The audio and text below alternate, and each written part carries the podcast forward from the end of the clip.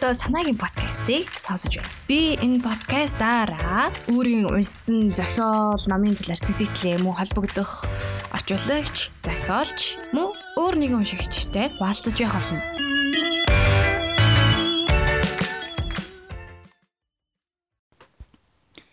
За сайн байцгаана уу? Энэ удаагийн санаагийн подкастыг маань сонсож байгаа сонсогч танд энэ өдрийн мэндийг хүргэе. Өнөөдөр би Такта Publishing-аас эрхлэн гаргасан Францын алдарт зохиолч Франсуа Саганы дөнгөж 18 наснда анх удаа амьдралдаа анх удаа бичсэн бистрэг роман болох Сайн уу гуниг минь химэх номын талаар сэтгэлээ хуваалцахаар бэлдээд байна.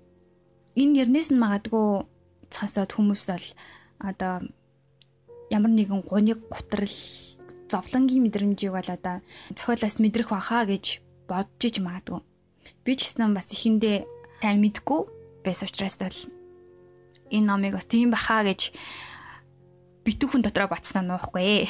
Гэхдээ унсныхаа дараа бол шал өөр мэдрэмж. Бас дээрэс нь энэ хүн яагаад Францда утга зохиолын түүхэндээ цэцэрлэг хийсэн бэ? Шуугаан дэгдээсэн бэ гэдгийг бол ойлгосон.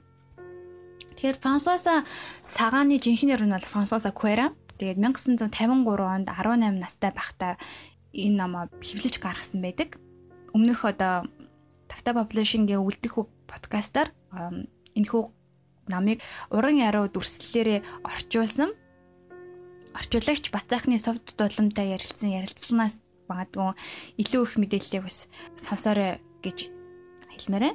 За тэгээд Франсуа Саганы хувьд тох юм бол Франсуаза Куэро гэж яагаад Франсуаза Саган болсон бэ гэхэлэр тухайн энэ роман нь болохоор нэг тогтсон нийгмийнхаа үдэл суртал гэх юм уу католик шишнэдэг осонд бол жоохон харьцсан гэх юм уу одоо зөрүүдэлсэн өгүүлэмжүүд бол их байсан. Эротик хэлбэр агуулга бол бас мэрсэр байсан учраас эцэг их нь охиныхоо нэр хүнд болон одоо ирээдүйд учрах одоо эрсдлийг тооцоод нэрийг нь бол зохиолч Марсель Прустийн алдагдсан цагийн эрэлт романы нэгдүгээр болох Принцесстэй сагааны нэрийг бол авч зохиолоо хэвлэхэд хэрэглэсэн байдаг. Түүний зохиолын нэрнийх нь утга учрын тухайд гэх юм бол мөн Францын алдарт сууд найрагч Пол Элварын зурдын амьдрал шүлийн эхний мөрөөр буюу оо сайн уу гониг минь хэмээн нэрлсэн байдаг. Эхлээд тэгэхээр сайн уу гониг минь хэмээх нь бисрэг романы талаар тавч хүрний. Зохиолын гол дүр болох католик шишний сургуульд сурдаг. 17 настай Сил химэх охин бол багт нь ээж нь насварсан. Тэгээд аав дээрээ аавынхаа түрээслэлт эдлэн газартын зуны хамралтаар хэмэд одоо амралтаар л авчиж амарж байгаа. Тэгээ аав нь болохоор Реймонд хэмэх залуу байх бөгөөд ер нь тийм сэтгэл татам. Аа тэгээд эмэгтэйчүүдийг бол байнга сольдог. Ерөнхийдөө эмэгтэй хүнтэй удаан уртудаа харилцаатай байдаггүй үг хүмсэг төрлийн боловч тийм одоо халуун дулаан нийлтэй харилцаатай ийм хүн байдаг. Ерөөхдөө бол сэтгэл татам ийм хүн. Тэгээ Рэймонд охинтойгоо болохоор одоо эцэг охин гихийнхаа үүднээс илүүтэй сайн найзуучийг маш нээлттэй ханддаг. Ерөөсөө охиноосоо тэр харилцаж байгаа эмгтээчүүд ерөөсөө нуудаггүй. Ер нь л нээлттэй харилцдаг. Гэтэ ямагт охиныгаа илүү одоо хайрладаг, анхаарал тавьдаг. Охиндоо хамт тамхилах, охиндоо хамт виски уух бол энэ үхэн ийм эрхчлөөтэй харилцаатай байдаг. Тэгээ сэл дөнгөж 17 настай одоо католик шүтэн сургуульд явдаг ч гэсэндээ аавынхаа энэ харилцаа хэв амьдралын маяг зугаа цэнгэлийн байдлыг нь бол ойлгож үлээж авдаг. Өөрөө ч гэсэн ингээ зугаа цэнгэл бас жоохон дуртай болоод те аавтаа бол илэн далангүй харилцаатай юм байдаг. Тэгээд амралтаар очих үед нь бол Ремондын ээлжид амраг болох Элза аймаг бүсгөө бол хүлээж авдаг. Элза бол ерөөдөө тийм бас тийм хөнгөмсөг нээлттэй яриа хөөрөөтэй юм эмхтэй. За тэгэл тэсэл амралтаараа ингээд аав хагерт ирсэн. Тэгээ Элза та гуруулаа далайн эрэг дээр наранд бие шараал гол цэлээл амттай тансаг хоолунд идээл оройндээ вайн виски уугаал тамхилал ингээл тийм жаргалтай хөнгөн гой өдрүүд бол өнгөрнө. За энэ үед мэдээж бас 17 настай Сисил хажуу ойролцоо амьдрах сэрэл хэмэх залуутай танилцаад ингээд хайр дурлалын маягийн харилцаа бол ургаж эхэлдэг байгаа. Ингээд ажиглуудалгүй стилийн ээжийн одоо амьд ахуйтай найзалж исэн хамгийн сайн найз бол Хана гэдэг эмэгтэй. Ремондын герт амралтаараа зочлохоор болдог. Тэгээд Анагийн дүрслийн хувьд бол уужуу тайван атлаа ихэмсэг ёчтой. Түүний царайнаас заримдаа хүйтэн хүндий, заримдаа инхри ялтам төрх ажиглагддаг. Хэнийг ч чижиж дайрлгүйгээр үзэл бодлоо хэлж хэм бүхэнтэй нэг л янзаар харилцдаг би мэднэ. Тийм болохоор дүүний амнаас гарсан үг болгон жинтэй байдаг. Баяр талархлын үгс хайр найргүй хилэвч Аана тэр бүрт баярлан догтлох нь үгүй. Хил хярхаа сайтар тумгааж хэрэгцээгүйд амаа үдэд сурсан Аанаг хаа газар хагархаа хингэршиж цуурч явдаг Элсатай харьцуулахад өдөр шүнших ялгаатай. Тэгэхээр бол одоо Анагийн зан төрх байдал Реймонд болно. Силийн тэр байтугай Элсагийн нэгдэж байгаа тэр нэгдмэл одоо амьдралын хэм маяг үзэлтэй нь бол шал эсрэг илүү боловсрсан, илүү гүн боддог ийм эмэгтэй бол тэр хэдийн одоо амьдрал нь орж ирдэг. За тэгэнгүүт мэдээж Анагийн өдөр ухаалаг төрөх сэтгэл татан байдал бол үнэхээр тийм ихэмсэг боловсрсан боловсронгуй эмэгтэй байхгүй. Тэнгүүд ачирхалтай. Анагийн байдал болон аавынхаа байдлаас хараад Сисил энэ хоёр нэгэндээ татагдаад байна да гэдгийг бол гатарлаг байгаа. Гэхдээ уншихтаа бол ер нь гайхсан 18 настай охин ч тийм чинь Францын 18 настай охин Гэтэл тэр харилцааг мэдэрч байгаа, ойлгож байгаа, дүгнж байгаа нь бол 18 настай охид байх уугүй юу гэж бодмоор их ухаалагаар одоо харьцуулж гаргаж ирсэн. Одоо мэдэрч бичсэн байгаа хгүй юу? За тэгээ вэжэлж чинь одоо Анна аавтай хайрцаглийн холбоотой болж байгаа. Тэгээд аавынхаа нөгөө хөнгөмсөг эмэгтэй хүнтэй нэг богино хугацаанд л харилцааг нь харилцаатайг хүлэн шүрсэн байсан чинь гинт Анна аав хоёр нь суухаар болдог. Тэгээ нэгсэндээ Анна хойд ээжтэй болж эхэлнэ. За тэгэнгүүт нөгөө ирчлөөтэй байсан нөгөө нэг аавтаа их нээлттэй байсан харилцаа өдөр хоногуд бол баг багаар одоо хумигдаж эхэлнэ л дээ. Тэгээ аа найл болох тэр нөгөө 6 цэнгэлийн хорих. За нөгөө сэрэлдээ үүсгэж байгаа харилцааг нь эсэргүүцэх хичээлийг нь хийхийг айлуулах бодно. Тэнгүүт одоо сэл хичнээн одоо аана таалагддаг байсан ч гэсэндээ эрхчлөөг нь богдуулаад те аавынх нь харилцаанаас нь холдуулаад байгааг мэдрэнгүүтээ ерөөсөө эрхчлөөг нь баймилж байгааг гийн эсрэгээр Анна гэрээсээ явуулах арга зайлыг бол бодож боловсруулж эхэлдэг. За энэ хүртэл ер нь бол спойлерт ч дууслахгүй. Ямар ч энэ хүртэл зохиолын утга агуулга нь ер нь тийм. Ингээд цаашаа үйл явдал хүрдэг. Тэгэд ягаад тухайн Франц улстай тийм их шууган дэгдээч вэ гэдэг нь бол сая харагдаж байгаа. Ерөөсөө католик шишинтэй дэгж дэгж ихтэй нийгэмд а 17 настай охин одоо хайр сэтгэлийн талаа эргцүүлж байгаа амьдрал нь одоо нэгдэж байгаа тэр таашаал мэдрэмжийн талаар дэлгэрэнгүй дүрслэл за тэгээд аавтайгаа ийм хөвлөөхөн те ийм дэлнээлтэй харилцаж байгаа хамт физикийн уужийн те мөрөдөө тоглоомд явна тамхилна гих мэд энэ тухайн нийгэмд бол ерөөсөө тийм хаалттай үзэгдэл байсан. Гэтэ яг энэ зохиолыг нь уншаад хэвлүүлэх боломжийг нь олгосон гэхэлэр Франсуус сагаан ч гэсэндээ аав ээж нь бас нээлттэй харилцдаг. Охиныхаа амьдрал үзлийг бас хүндэтдэг байсан юм болоо гэж санагдсан. Энэ зохиолын ерөөхдөө зөрчил бол ингээл гарч эхэлж байгаа юм л та.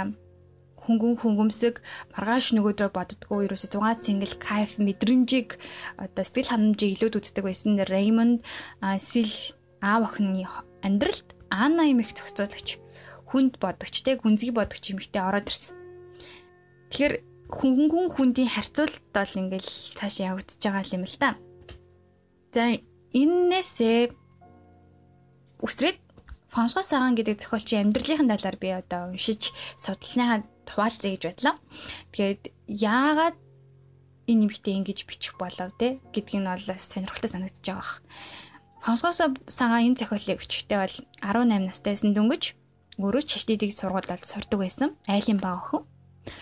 Гингүүтээ ерөөсөө орой олгоо ингээл гэрийн даалгавар дэвтэр дээр энэ зохиолынхоо бол гар бичмэлийг бичдэг байсан гэж байгаа. Тэгээ бодож боловсруулж явсараа л ерөөсөө нэг богинохон хугацаанд л суугаад бичиж гаргаад ирсэн. Мэдээж энэ ном нь бол хүсэл тажаалч гэх юм уу те докторгүй амьдралын талаар ч юм уу амьдрал дээр угаасаа байдаг зүйлийн талаар тухайн нийгэм тогтсон шашны эдийг гүйцэл сурталыг одоо сүргэлтүүлж гарч ирж одоо нээлттэй хандаж чадсанаар бол тухайн үеийн Францын утга уран зохиолд бол шүүган дэгтээсэн.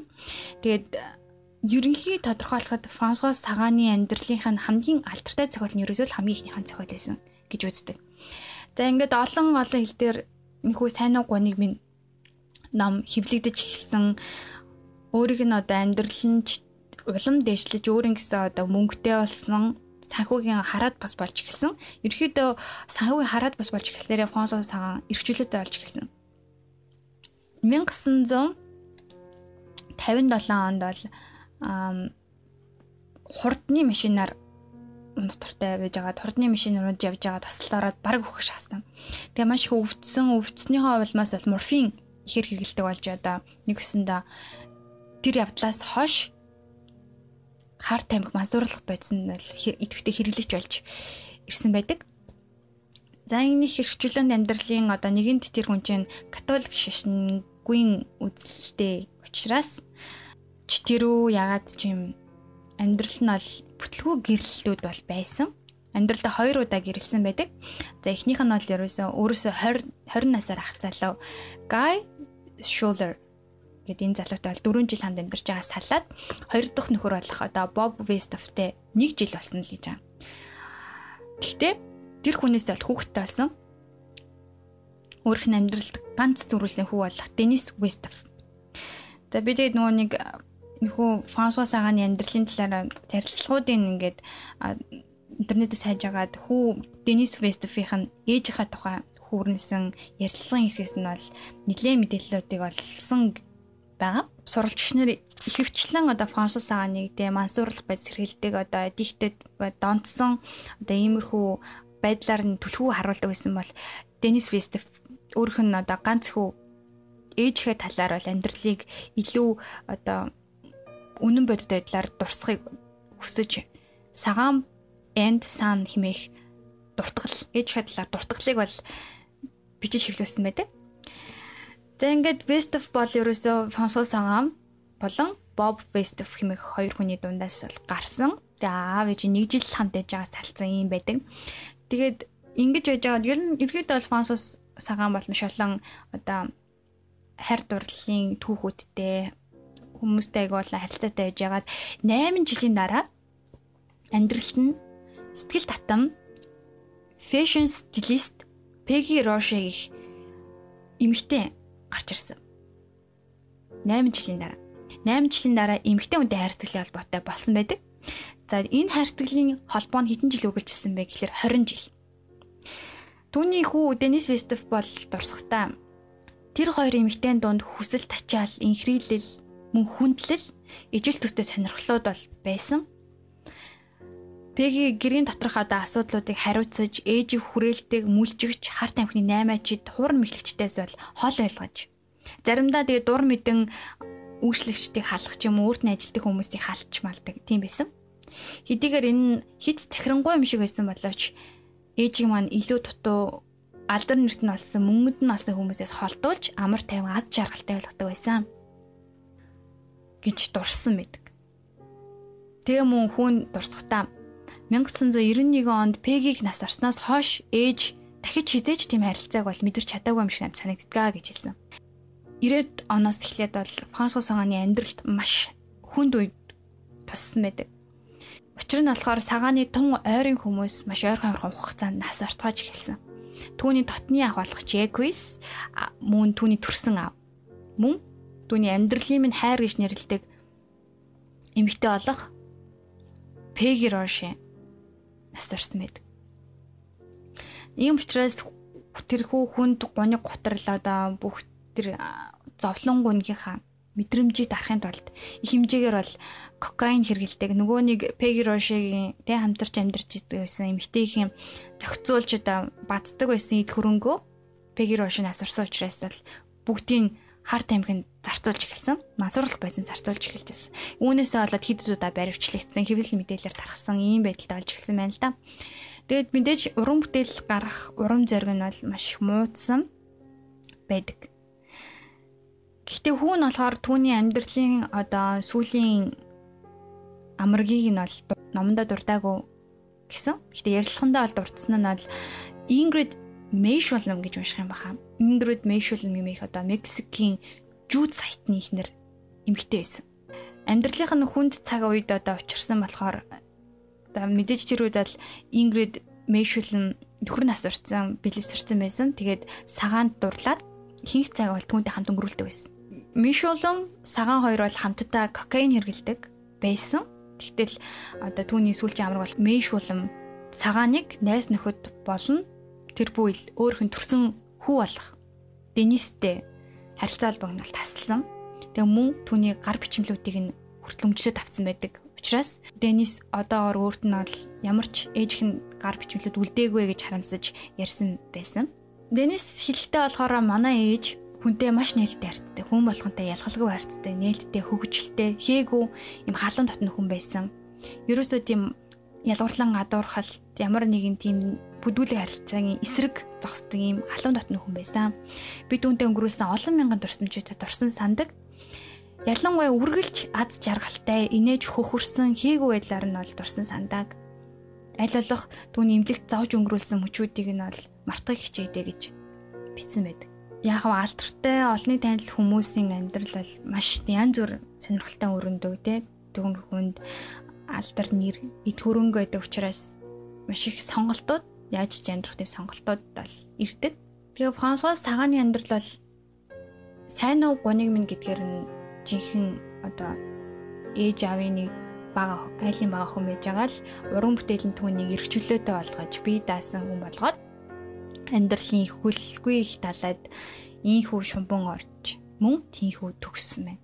Ерөнхийдөө сүүлийн амьдралын сүүлийн жилүүд бол их гонхтой өвчнөдөө шаналсан завсан ийм байдалтай магадгүй нөгөө нэг ёр гэж хэлэх юм ч сайн гэж хэлмээр ч юм шиг өөрх нь хамгийн өөрхөн зохиолчийн амьдралыг бэлгэлсэн сайн уу гуниг минь химэх нэр чигээ гуниг ганцаардлын дунд өнгөрсөн болов уу гэж бодгцсан.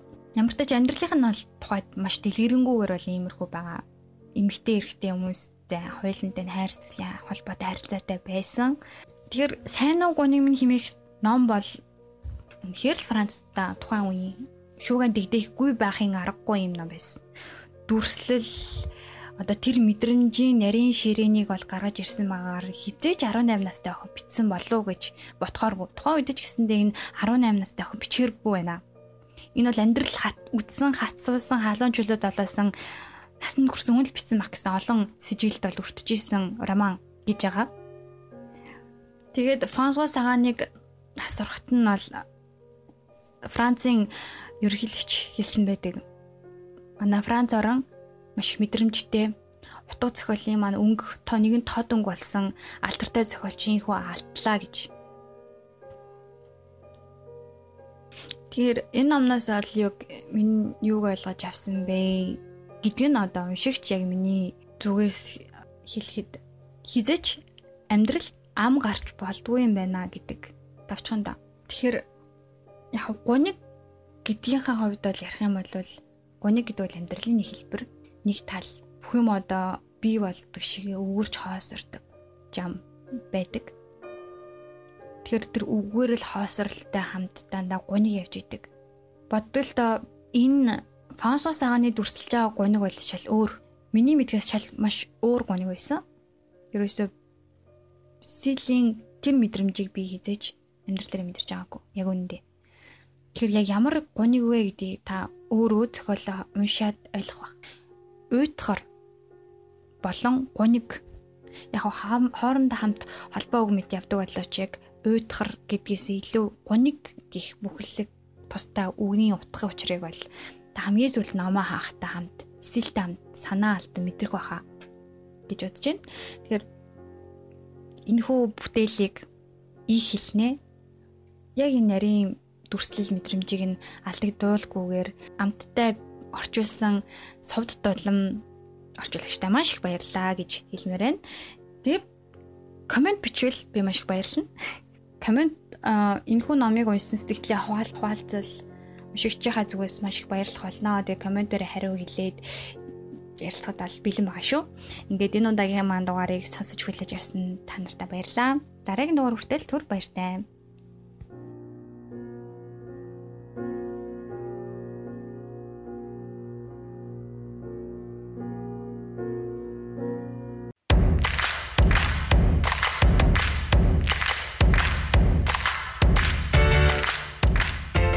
Одоо санаагийн подкастыг сонсож байна. Би энэ подкастаараа өөрийн уншсан зохиол, номын талаар сэтгэлээ мөн холбогдох орчуулагч, зохиолч мөн өөр нэгэн уншигчтай хуваалцаж явах болно.